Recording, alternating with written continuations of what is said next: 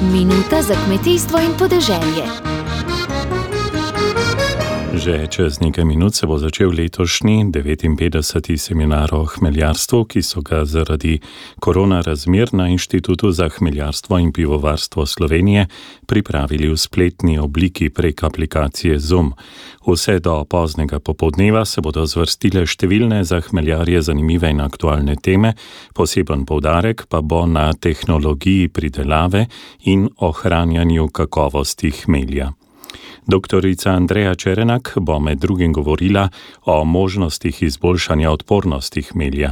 Mi pa smo jo poprašali, kako je s povezavo med lastnostmi zemlje in grenčinami v pridelku hmelja. Takole je odgovorila.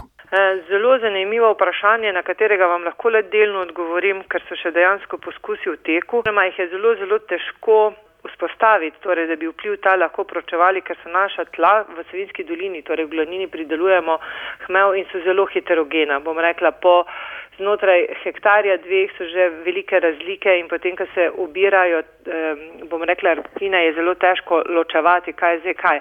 Ampak dejansko se nekako bi lahko rekli, da načeloma neko hladno, mokro vreme in pa tla posledično ne vplivajo ravno pozitivno na aromo.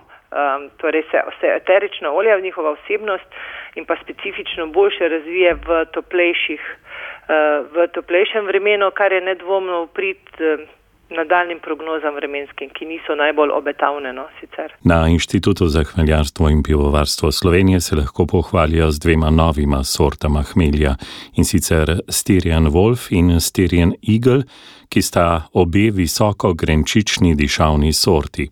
Za prvo je značilen zelo visok pridelek, druga pa se lahko pohvali z odličnim zdravstvenim stanjem in odpornostjo na nekatere najbolj pogoste bolezni hmelja.